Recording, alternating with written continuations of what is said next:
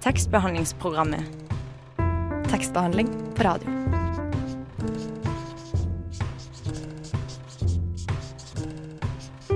Tekstbehandlingsprogrammet.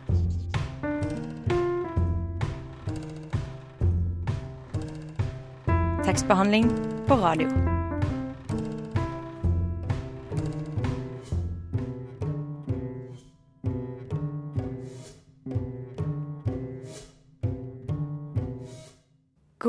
Morgen, kjære lytter. Du har nå kommet til tekstbehandlingsprogrammet på Radio Nova.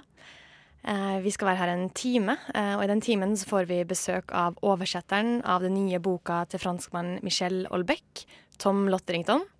Det er Olbeck som har skrevet en, eh, en roman, den nye romanen, der Frankrike velger en president fra Det muslimske brorskap, og boka ble sluppet i Frankrike på samme dag som terrorangrepet mot Charlie Hebdo. Mange har lurt på hvordan vi skal forstå denne boka som en del av samfunnsdebatten. Eh, og det har vi òg gjort, og spør oss om han egentlig er så kontroversiell. Men det vi skal snakke om først, er teater. Og hvordan eh, Scenekunstkompaniet De Utvalgte jobber med teksten. Jeg heter Guro Florening, eh, og med meg her har jeg Kim Robin Klev. Nå skal vi ha litt musikk. Det var Ray Gunfeet Doom med Bad Bad Not Good and Ghostface Killa. Velkommen, to representanter fra Scenekunstkompaniet De Utvalgte. Skuespiller Torbjørn Davidsen og dramaturg Anne Holtan. Takk. Takk, takk. Dere feirer, var det ikke 21 år? Ja. ja. Vi har 21-årsjubileum i år. 2015. Mm -hmm. eh, og det gjør dere med en rekke forestillinger på Blackbox teater. Eh, gamle forestillinger som da Og nye. Og nye. Ja. Blir, ja, som skal spilles i en måned fram i tid, var det ikke det? Ja. Mm. Det er sju forestillinger. Begynner det i, med Bang Bang Club fra 2004 og ender opp med Visjonæren, som hadde premiere i oktober 2014. Så den er bare noen måneder gammel. Ja, ja for jeg var jo sjøl og så Bang Bang Club eh, i helga. Men ok, hvis vi skal prøve å få lytteren til å skjønne hvilken type kompani, kompani dere er. Eh, hva er det publikum får oppleve hvis man går og ser en forestilling av de utvalgte? Ja, da f.eks. Bang Bang Club, da. Ja, øh, jeg vil jo si at forestillingene er øh, ganske ulike, selv om man ser liksom at det er øh, Man har et Kanskje en slags estetisk signatur som går gjennom liksom kunstnerskapet. Iallfall de forestillingene vi viser. og så når man Ja, du har jo sett Bang Bang Club sjøl. Jeg syns jo det er litt vanskelig på en måte å definere for uh, hva Bang Bang Club er. Men, okay, men hvordan type teater er det her, da? Uh, ja. Uh, hvis vi skulle sette oss i en kategori, så vil jeg kanskje si at det er samtidskunst. Teater. Ja. Samtidsteater. Vi, vi kan ikke, jeg kan ikke si noe mer. Nei, det er bra. Det, og det er jo noe av poenget med for oss eh, i forhold til å lage teater. For det, i utgangspunktet så var ikke vi veldig, veldig spesielt opptatt av teater i det hele tatt, egentlig. Okay. Opptatt av film, opptatt av musikk, litteratur osv. Og, så og hadde behov for uttrykksbehov. Og så har vi gjennom årene tatt oss og fått anledning til å skape det teatret vi selv har ønsket å lage. Så vi vil jo ikke være i bås. Vi vil ikke svare på det spørsmålet du spør. Vi vil lage teater som kanskje Men hva er dere liker, da, å lage? Uh, vi liker å lage de forestillingene, bl.a. Bangclub, som du har sett, som, som, er en form for uh, Da har vi laget en slags terapisituasjon. Hvor vi på en måte inviterer publikum til å sitte som flue på veggen og se denne situasjonen da, som uh, utspiller seg mellom en kvinnelig terapeut og tre menn. Som man kanskje kan tolke til at den delvis foregår i hennes hode og i hennes begjær og hennes behov, og også foregår reelt. Og det gjør det jo reelt, da, i rommet, sammen med publikum. Og så prøver vi å, å, å, å ta opp ting som hver enkelt er opptatt av, og som vi på en måte som gruppe kan samles om, da, for det, det er mye jobb. Så vi må, vi må, finne temaer som alle kan investere maksimalt i, på en måte. Uh, vi skal ha et lite klipp fra starten av uh, Bang Bang Club. Hei. Jeg er 38 år, og jeg er førtidsspent pensjonist. Hei. Jeg er 52 år. Jeg liker å bruke kroppen min. Jeg har praktisert yoga i 21 år og behersker relativt avanserte stillinger. Jeg tiltrekkes mest av menn som har litt problemer på en eller annen måte. Eh, hva har vi hørt her? Det var Randi, som eh, da er terapeut, som eh, introduserer seg selv eh, i webkamera. Og på en måte Det er en slags promotering eller en slags kontaktannonse, ettersom man opplever det. publikum. Vi i tekstbehandlingsprogrammet vi er jo litt opptatt av teksten i teatret. Eh, Kanskje du, um, Torbjørn, kan svare på hvordan er det teksten For dere, dere lager jo teksten her sjøl. Eh, hvordan er det den kommer til dere, eller hvordan skriver dere den? Eh, dette, det gjør vi også forskjellig, da. Det er ikke sånn at vi har funnet en metode å løse det med tekst på, men, men, men det forandrer seg. Eh, men eh, med Bang Bang Club så, så, var det jo sånn at det har vi gjort en del. At vi, vi har intervjuet hverandre. Kari, som er instruktør, og som er, som er den som har blikket utenfor, eh, leder ofte intervjuene. Og så har vi brukt å, å filme de, og så har vi skrevet, skrevet ned eh, i ettertid, da. Og så bearbeides det.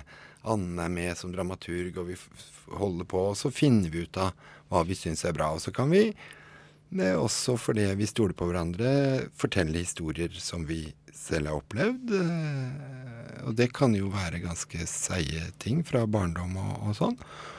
Men så kan vi også bestemme oss for å, å, si at ja, men da tar du min historie, fordi du har en annen distanse i forhold til meg, og så tar jeg din, og så bytter vi rundt sånn. Og så kan vi blande da kjønn og aldre og Så det er, ja, en lek da på en måte for å finne frem til det vi, vi ønsker.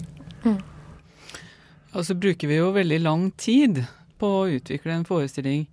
Og når vi jobber med et tema som interesserer oss, da, som er liksom noe som interesserer oss akkurat uh, for det her prosjektet vi går i gang med, så går vi ganske bredt ut og uh, henter inn også stoff utenfra. Det kan være folk som har uh, peiling på det vi Eh, forska på, på, det vi eh, holder på med. Det kan være folk som har erfaringer vi er interessert i å høre om rundt de temaene. Så vi henter også stoff utenifra. Uh, og det er jo ofte en ganske lang researchperiode vi har på hver produksjon, da.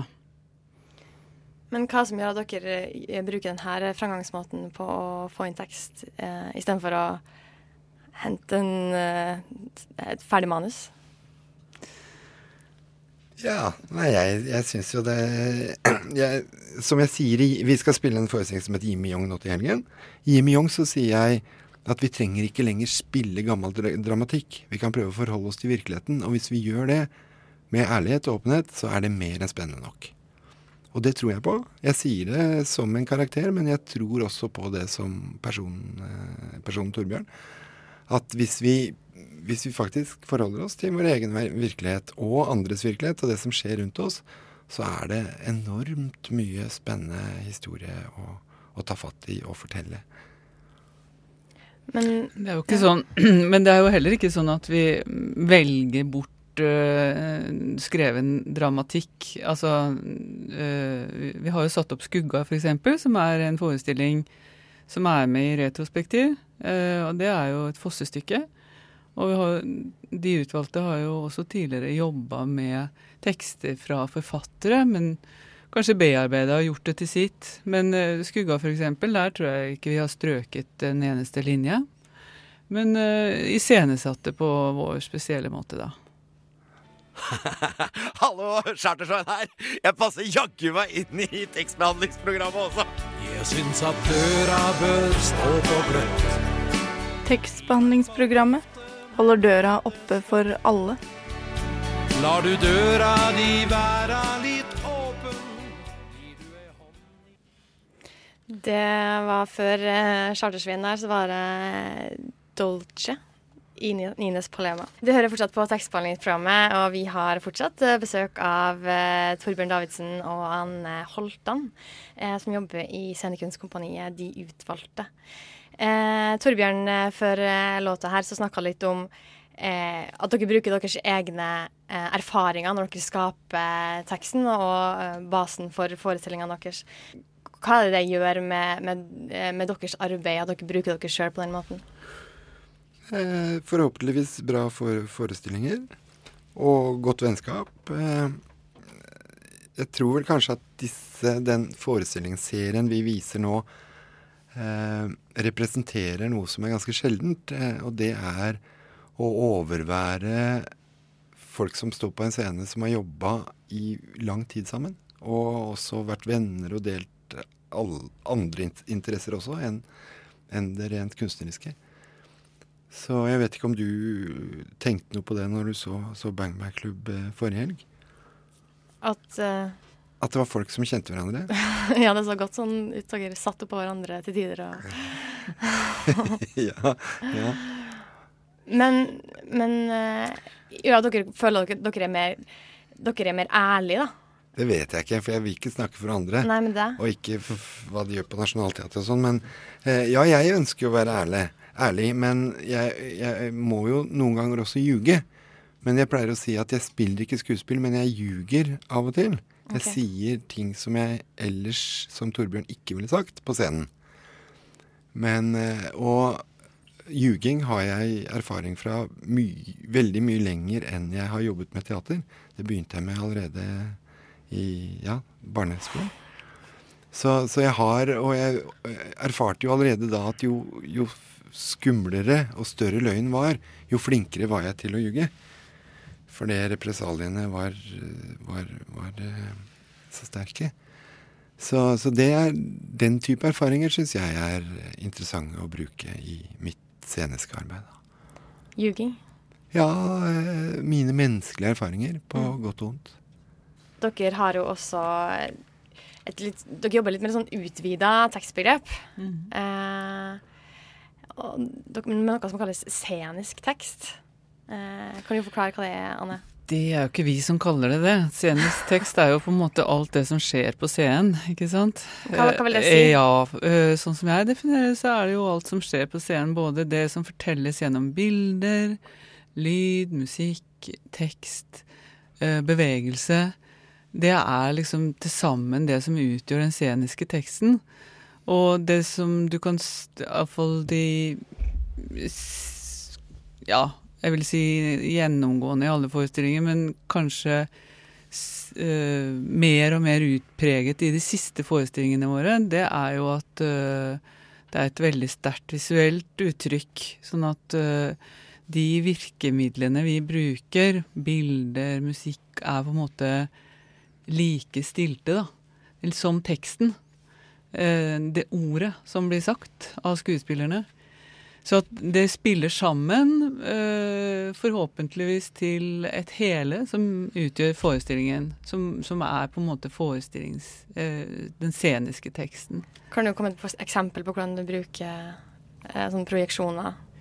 Ja, altså de siste forestillingene så har vi jo brukt Eller vi har jo en eminent videodesigner og som har på en måte forska fram sjøl eh, en måte å bruke 3D-bilder på i teatret som er helt unik i verdenssammenheng. Eh, som betyr bl.a. at eh, selve scenografien er i 3D, så skuespillerne går inn i et tredimensjonalt landskap, bilder, og agerer i det. Og det er jo uh, Ja, det er ganske spesielt. ja. Hva tror du det kan gjøre med det dere prøver å fortelle til publikum? Har du lyst til å svare? Ja, det har jeg lyst til å forsvare. Eller snakke om. For, det, for jeg er jo ofte midt oppi det, da. Eh, og det er jo selvfølgelig Det er jo veldig praktisk, for vi trenger jo ikke å trekke inn masse trær og, og sånn. Vi kan liksom skifte mellom en skog og en park og på toppen av en skyskraper på ett sekund. Men så gjør det jo også noe med at, tror jeg, at forestillingene blir et eget rom. Som publikum også er med i Hvor de også er i rommet. Så det er ikke noe stor skille mellom scene sånn og sal. Det er ikke noen fjerde vegg der? Nei.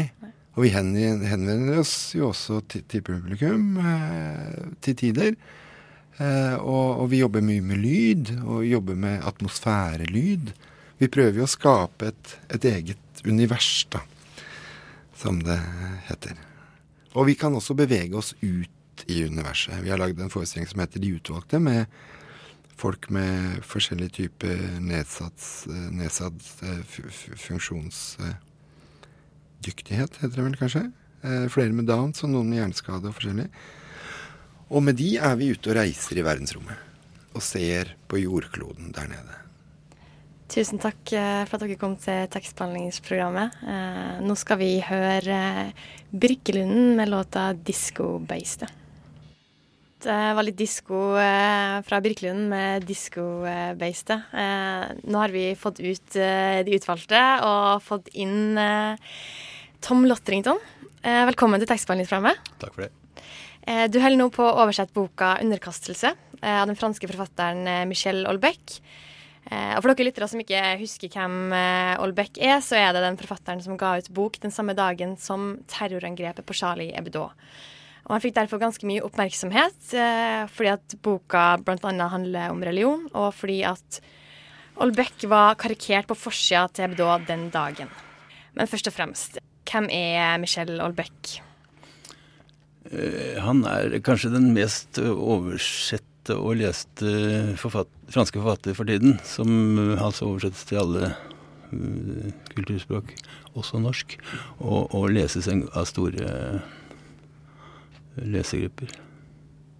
En skandaløs forfatter på mange måter. Ja, På hvilken måte da? Ja, på den måten at han er eh, motstrøms på Han er ikke politisk korrekt. Han er eh, antifeminist. Han er kanskje reaksjonær. Han uh, mener sterke ting om islam og ja, om samfunnsutviklingen. Ja, det kommer kanskje tydelig frem i underkastelse, eller som den potensielt skal hete, da. Som uh, så, vidt jeg har forstått uh, handler om at um, en, en, muslimsk president At det blir en muslimsk president i, i Frankrike i 2022. Um, leser du den som en kritikk mot islam? Ja, For det første så leser jeg den ikke som en profeti. Jeg tror ikke verken forfatteren eller leserne tror på at dette kommer til å skje i 2022. Men øh, det er helt klart en, en satire og en øh, samfunnskritikk. En kritikk av det franske samfunnet slik det er i dag, altså. Og, og øh, han uh, har jo ingen respekt for noen av de nåværende franske politikerne. Uh, han nevner dem ved navn. De er altså fortsatt virksomme om syv år når det nettet skal skje i boken. Mm. Og, de er noen knehøner alle sammen og har ingen, ingen, krefter å stå imot det islamske bølgen som kommer innover valget og, vinner presidentvalget først, og så danner regjering i Frankrike. En muslimsk, uh, republikansk regjering. Det er noen som har sagt at de har vært redd for at uh, en sånn her bok kan forsterke frykten uh, for uh, muslimer.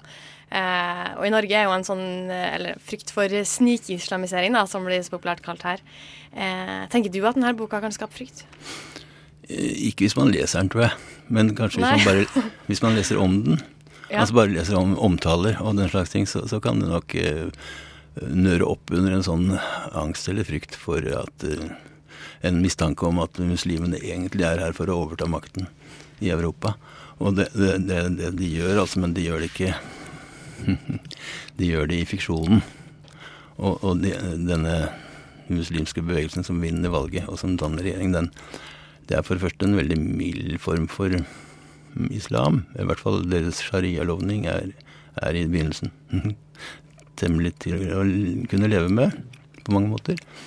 Uh, vår hovedperson i romanen han finner, avfinner seg med det til slutt og, og, og, omvender seg til islam for å beholde sin professorstilling på Sorbonne. For uh, Sorbonne-universitetet er altså oppkjøpt og overtatt av Saudi-Arabia. Og de har innført en del muslimske regler for hvem som kan undervise, og som, hvordan studentene skal gå kledd og den slags ting. Så hvis du leser den, så vil man eh, forstå det som eh, fiksjon? Da vil man skjønne at dette er en grov spøk. Ja. Og en satire. Og alvorlig ment, for så vidt, men, men ikke alvorlig ment som en fremtids- eller sånn dystopi. Altså, jeg tror ikke jeg tror ikke forfatteren et øyeblikk har tenkt at sånn kommer det til å gå om fem, seks, syv år her i landet.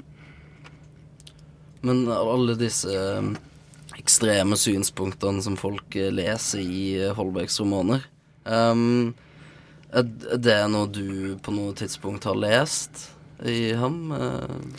Har du ja. Ja, ja, det er veldig vanskelig å vite hvor han selv står i forhold til dette. Han, han lager jo en, eller han dikter opp en hovedperson her, som forteller historien i, i jeg-form, og som sikkert har veldig mye til felles med sin forfatter på mange måter. Men han er enda mer altså Han er en desillusjonert uh, middelaldrende ungkar som aldri har fått uh, til et varig forhold. Enda han er svært opptatt av kvinner på den måten. da. Uh, bare ikke flink til å holde på dem. Eller altså Han er Det er jo det typiske for den misogyne, kanskje, at han tar det beste ut av dem og ikke vil ha resten. Mm. Um, uh, nei, altså spørsmålet ditt var om uh, Ole Beck selv står for det som Nei, nei, om du, om du leser han som uh, ekstrem. Altså du sier at hvis man bare hører om Holbeck og det han skriver, mm. så vil man kanskje bli skremt eller uh, tar for gitt at han kanskje er bare vulgær og sexistisk. Uh, og så lurer jeg på om du har lest dette i denne eller noen av de tidligere Eller om forfatterskapet hans sitt er ja. for, fortjent å være sett på som så kontroversielt. da. Altså, han, han, sier sannheten slik han ser det, og, og, og på en kynisk måte og uten omsvøp, og, og det kan jo virke og, han mener, mener, mange av disse tingene som kan sjokkere en sosialdemokrat. Men, men akkurat hvor han står selv altså han, er, han er egentlig fortvilet over denne samfunnsutviklingen som han beskriver. Og, og han han, han er jo en ateist som egentlig beklager at, at, at samfunnet er blitt gudløst. Mm. Han mener etter alt å dømme at religionen er nyttig. Altså et samfunn eller en kultur kan ikke bestå uten religion, ser ut, ut til at han mener. Og hvis, den da, hvis det da går så langt som det har gjort i Frankrike, så er det ingen sak for en sterk religiøs bevegelse å overta makten, faktisk. Så det er en av tesene, da. Men ja. Det var altså uh, Buck med 'Plucking Wings'. Uh, vi har fortsatt besøk av Tom Lotterington uh, i studio her i tekstbehandlingsprogrammet. Hva er, tenker egentlig du om forfatterskapet til Olbeck? Ja, jeg har forandret mening om det forfatterskapet nå for bare noen få uker siden. For inntil da så hadde jeg sterk motforestilling mot hele greia. Før du fikk oppdrag om å Ja, faktisk. Det er ja. sånn det har seg. Men eh, for nesten 20 år siden, i 98, så leste jeg den boken som ble hans gjennombruddsroman, som heter på norsk 'Grunnleggende bestanddeler'. Og, og, tenkte at dette var en motbydelig bok som jeg ikke vil ha noe vil i hvert fall ikke anbefale for noe forlag å utgi. Så ble jeg reddet av en slags gong-gong, da, fordi det var et annet forlag som tok den boken allikevel, så jeg slapp å, å, å, å refusere den. Jeg er veldig glad for det i dag. Men øh, denne boken som jeg da mislikte sterkt for 15-16-17 år siden, tok jeg opp igjen nå og fant at faktisk er en veldig rik og spennende og interessant bok. Uh, så den boken har jo egentlig ikke forandret seg, men det må jeg ha gjort, da. Og, og, og den, den, underkastelse som jeg holder på med nå, den, eh, det er også en fascinerende bok på mange måter, selv om den kanskje er litt lettere i, i sjangeren. Men Hva som gjør at du leser, leser den annerledes nå enn før?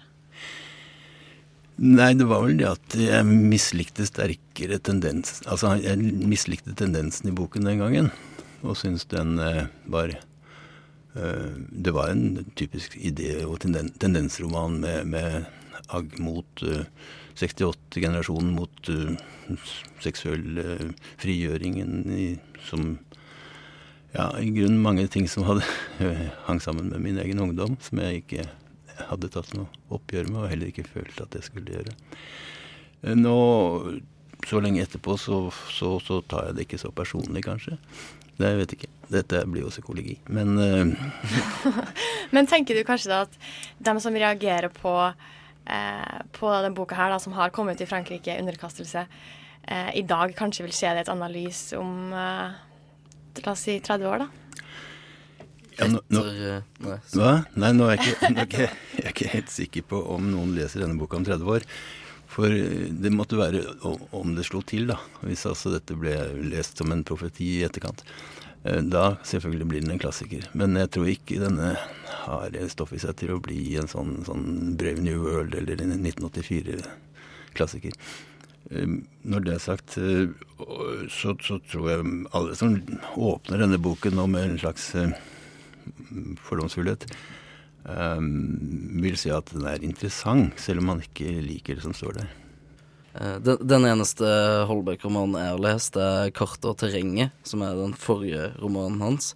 Eh, og det som overraska meg veldig etter alle disse anklagene han også, om at han er sexistisk og rasistisk osv., uh, var hvor, hvor morsom han eh, Hvor morsomt han faktisk skriver. Er det noe du ser i eh, underkastelse? Um, Ja, han, er også en humorist. eh, og Han, hans humor er typisk eh, galgenhumor, eller svart humor. Altså han er selvironisk og, og, og veldig eh, hva skal jeg si, slagferdig. Eller han skriver også veldig poengtert, da, ofte. Og, og, og poengene er morsomme. Det er vanskelig å karakterisere humoren ellers, men det er klart den, det er pessimistisk humor. Vil du si at det er satirisk på noe vis? Um, Ja, hele boken er jo egentlig satirisk, og det, satire er jo også humor. Men uh, den er jo ikke Den er jo ikke så satir... Jeg kan tenke meg at et fransk publikum som kjenner det franske politiske liv og pressen og media i Frankrike, har enda større utbytte av den her, for det er mange navngitte personer som ikke vi aner hvem er. Eh, Politikere og journalister og kommentatorer og sånn. Men eh, jeg tror ikke vi behøver å vite det for å ha utbytte av boken her heller. Men, men dem gjør han da grundig narr av. Mm. Det er en del av hans humor. Men all denne refselsen eh, gjør ja, eh, legg lange ut liksom mot eh, politikere og andre personlig, personligheter i, i Frankrike som man misliker. Um, det, vil du si at det er en veldig destruktiv ting å gjøre, eller fins det noe konstruktivt ved å gjøre det? Eh, Nei, altså Dette er jo Det kan jo oppfattes som en sånn generell politikerforakt. Fordi det er jo ingen av de nålevende politikerne som egentlig finner nåde for hans blikk. Ikke heller ikke Marine Le Pen, hvis man skulle tro det. Men eh, Ja, nei, altså øh, denne presidentkandidaten fra Det muslimske brorskap, han eh, fremstår kanskje som den smarteste av dem alle. Mm. Og på den måten, og på alle andre måter, så er det ikke noe angrep på islam. Det er et angrep på den avkristnede, sekulære, åndelig slappe Vesten. Det er, det, det er den han er ute etter å ta, ta på kornet. Så ja eh, Han har jo nevnt at han eh, i utgangspunktet hadde tenkt å skrive om uh, at katolisismen uh, skulle uh, komme tilbake, men at det så ble til islam i den boka. Um, ville det gjort noen forskjell? Om det var en annen religion enn islam som hadde, kom det, til makten? Det hadde jo straks vært mindre sjokkerende, og kanskje enda mindre sannsynlig. Altså, men det er helt tydelig at han eh, anser det kristne middelalderen i Europa som eh, idealsamfunn. Det er det han eh, kunne ønske seg å gjeninnføre, men han vet jo godt at det ikke lar seg gjøre. Så han har på en måte et Du tror han har et mål med den boka her som er mål om at det skal skje noe konstruktivt, eller er det bare en kommentar han vil, noe han bare han vil ha få ut? Ja, jeg har sett ham i et intervju en gang at han sier at en roman gjør aldri noen forskjell. Altså, så Han skriver ikke den for å forandre verden, men han skriver for å få sagt det han har på så det, Som ligger veldig hardt, tungt på hjertet, da. Det er tydelig at han vil ha sagt det. Få gørra ut, på en måte. Mm. Men, eh. men, han har ingen illusjoner om at dette forandrer verdens gang. Jeg tror det må bli siste ord for denne gang om Ollebekk. Uh, vi skal snart ha en anmelderduell her i tekstbehandlingsprogrammet, men først skal vi gå over fra en slags uh, badass i Olbæk til en låt av Paper Trails, Joey Badass. Nå er det tid for anmelderduell eh, tekstbehandlingsprogrammet med da Marie Vallestad og Maria Lokna har anmeldt eh, romanen 'Gjøkungen', som er skrevet av Gjermund eh, Gisvold. Den ferske forfatteren har hatt en rekke ulike jobber som lærer i barnehage, på lager i videobutikk. Og han har også jobba med en film som skal ha premiere i sommer. Og skriver, skriver for midtnorske kortfilmproduksjoner. I boka møter vi hovedpersonen Anton Dahlgaard, en ensom sjel i en kommuneblokk som er på utsida av det meste. Terningkast én! Nei, du, den likte jeg skikkelig godt, altså. Terningkast seks! Ja, men jeg syns det var virkelig var bra litteratur. Anmelderduellen. Jeg sier ja! Jeg sier nei! Denne vil jeg lese igjen. Terningkast én!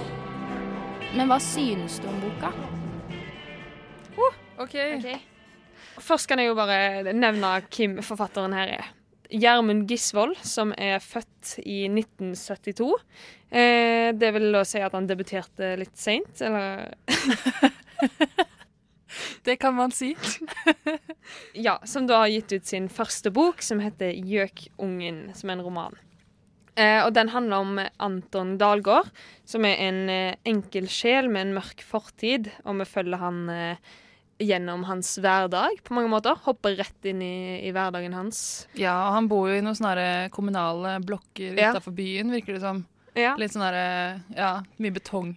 Mye betong og mange sånn finurlige mennesker og skje, skjebner som uh, ikke er helt sånn det vi er vant med å møte, kanskje. Men kan jo høre et uh, utdrag fra boka uh, der Anton er på besøk eh, hos Nav. Etter 327 tikk legger hun fra seg mappa. Ett år siden sist, sier hun. Det er alltid et år siden sist. Jeg nikker uten å si noe. Hun spør om hverdagen min er stabil, om jeg har noen planer for fremtida. Første gang jeg var der, sa jeg at jeg kunne tenke meg å flytte. Kanskje til utlandet, til Italia, bo på landet, drive en vingård, eller noe, handle mat i landsbyen. Jeg tror ikke det er en god idé akkurat nå, sa hun mens hun ristet lett på hodet og skriblet ned noe på et ark. Hva om vi sikter litt lavere til å begynne med, du kunne for eksempel ta et kurs. Det spilte ikke noen rolle hva slags kurs det var, det som betydde noe, var at hun kunne se seg selv i speilet neste morgen og si at hun hadde gjort en bra jobb, at hun hadde senket arbeidsledigheten, om kun for noen uker. Hva slo deg med boka første gang du leste? Jeg tenkte at det var veldig sånn herre Å, her er det masse folk som har det vanskelig. Bla, bla, bla. Det var egentlig mitt første inntrykk. At jeg var litt sånn OK. Dette, at det var litt for Det var litt for mye, på en måte. Mm. Det var for mye elendighet eller for mye finurlighet med de karakterene. At jeg ble litt sånn OK. Men uh, så fortsatte jeg å lese, og så fortsatte det litt i samme tralt, altså syns jeg. Hva syns ja. du? Nei, oi, jeg syns det var Jeg syns det var veldig eh, spennende, egentlig. Jo, jeg, jeg, liker historien. Han hadde noen skarpe observasjoner som jeg virkelig liksom sånn syns som traff, da. Som fikk meg til å se for meg hvordan det var. Og, og jeg syns også det er veldig sånn tragikomisk. Altså det er, så, det er på en måte så tragisk, da, sånn som de har det med mange av de eh, folkene og de skjebnene og han Anton, da, som sånn en har en utrolig tragisk bakgrunn. Eh, og de små detaljene som kommer fram, de syns jeg funker. Og noen, noen steder i boka så kan jeg liksom virkelig ta inn over meg og se for meg da, hvordan det er å bo der, og hvordan det livet er. Mm. Jeg, kan, jeg skjønner litt hva du mener. Jeg følte litt om måte, beskrivelsen av omgivelsene.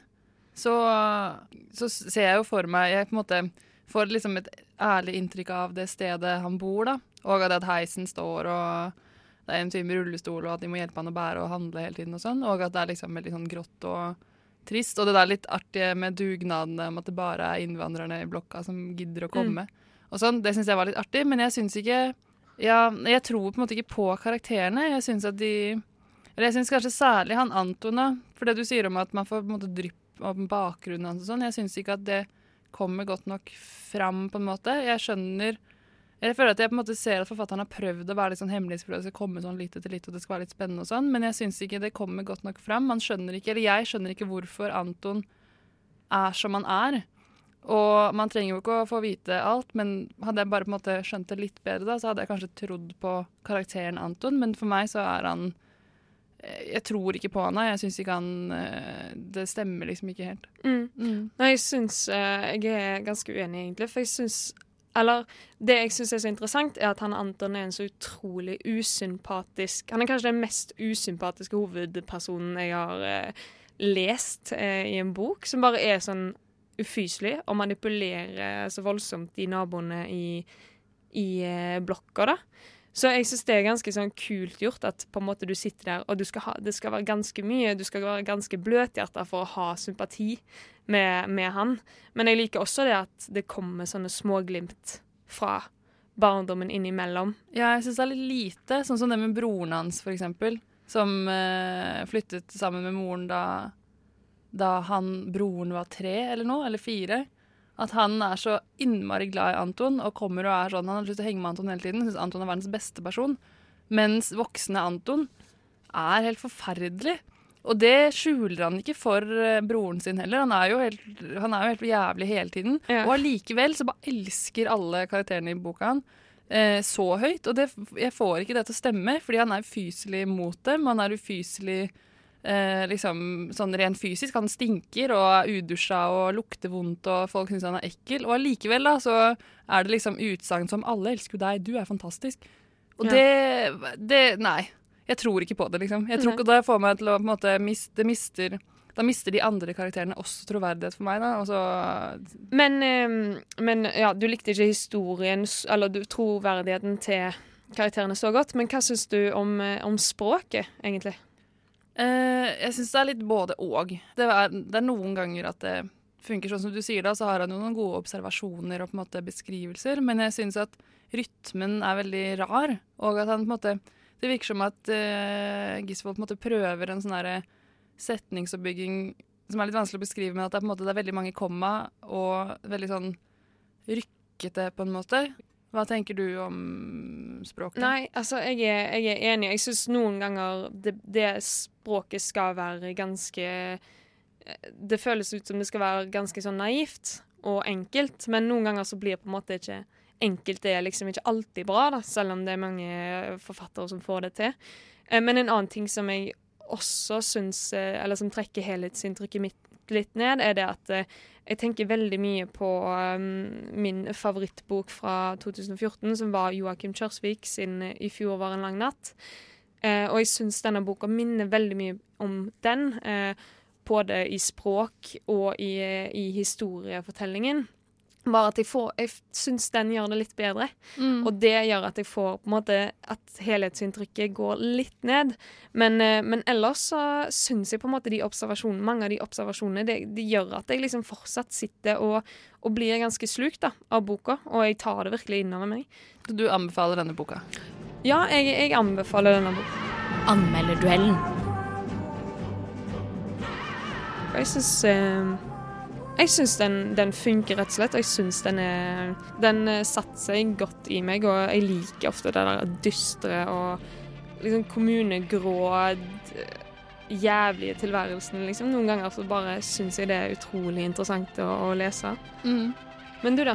Nei, eh, eller jeg er veldig likegyldig til denne boka, tror jeg. Og det, og det er jo kanskje nesten verre enn å på en måte ikke like den. At jeg bare var sånn Den, den ga meg liksom veldig lite, men ikke noe veldig negativt, og ikke noe positivt. Det blir sånn Jeg, vil, jeg jeg ikke anbefale Kan jeg nesten ikke anbefale den, på en måte. Fordi den, den er ikke kjip nok til at det er spennende for meg heller. Den er bare sånn Jo, men den er jo spennende.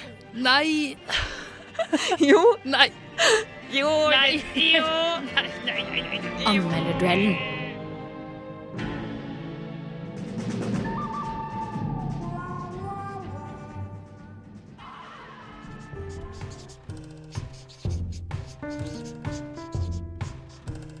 Tekstbehandlingsprogrammet. Tekstbehandling på radio.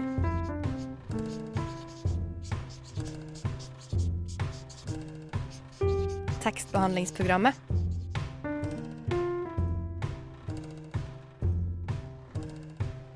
Tekstbehandling på radio. Da er vi ved veis ende her i tekstbehandlingsprogrammet, men hør på oss neste uke. Eh, Da er vi faktisk på Deichman på Hovedbiblioteket i Oslo. Klokka ti som eh, alltid. Eh, Og da går det an til å komme og se på. Eh, Og det skal vi også gjøre, ikke sant, Kim? Ja, definitivt. Jeg kommer til å stå der ved slaget ti. Ja, eh, Der har de en liten fiktiv pace eh, til oss. Og eh, det er ikke vi som skal være i studio, men Ingrid og Marie skal snakke om krim. Og hvordan, hvorfor vi har så mye fordommer mot krim. Mm. Jeg heter Guro Florening Kim Robin Klev sitter her. Yes. Tekniker har vært Snorre Wiggen. Tusen takk for oss, og hør videre på Radio Nova.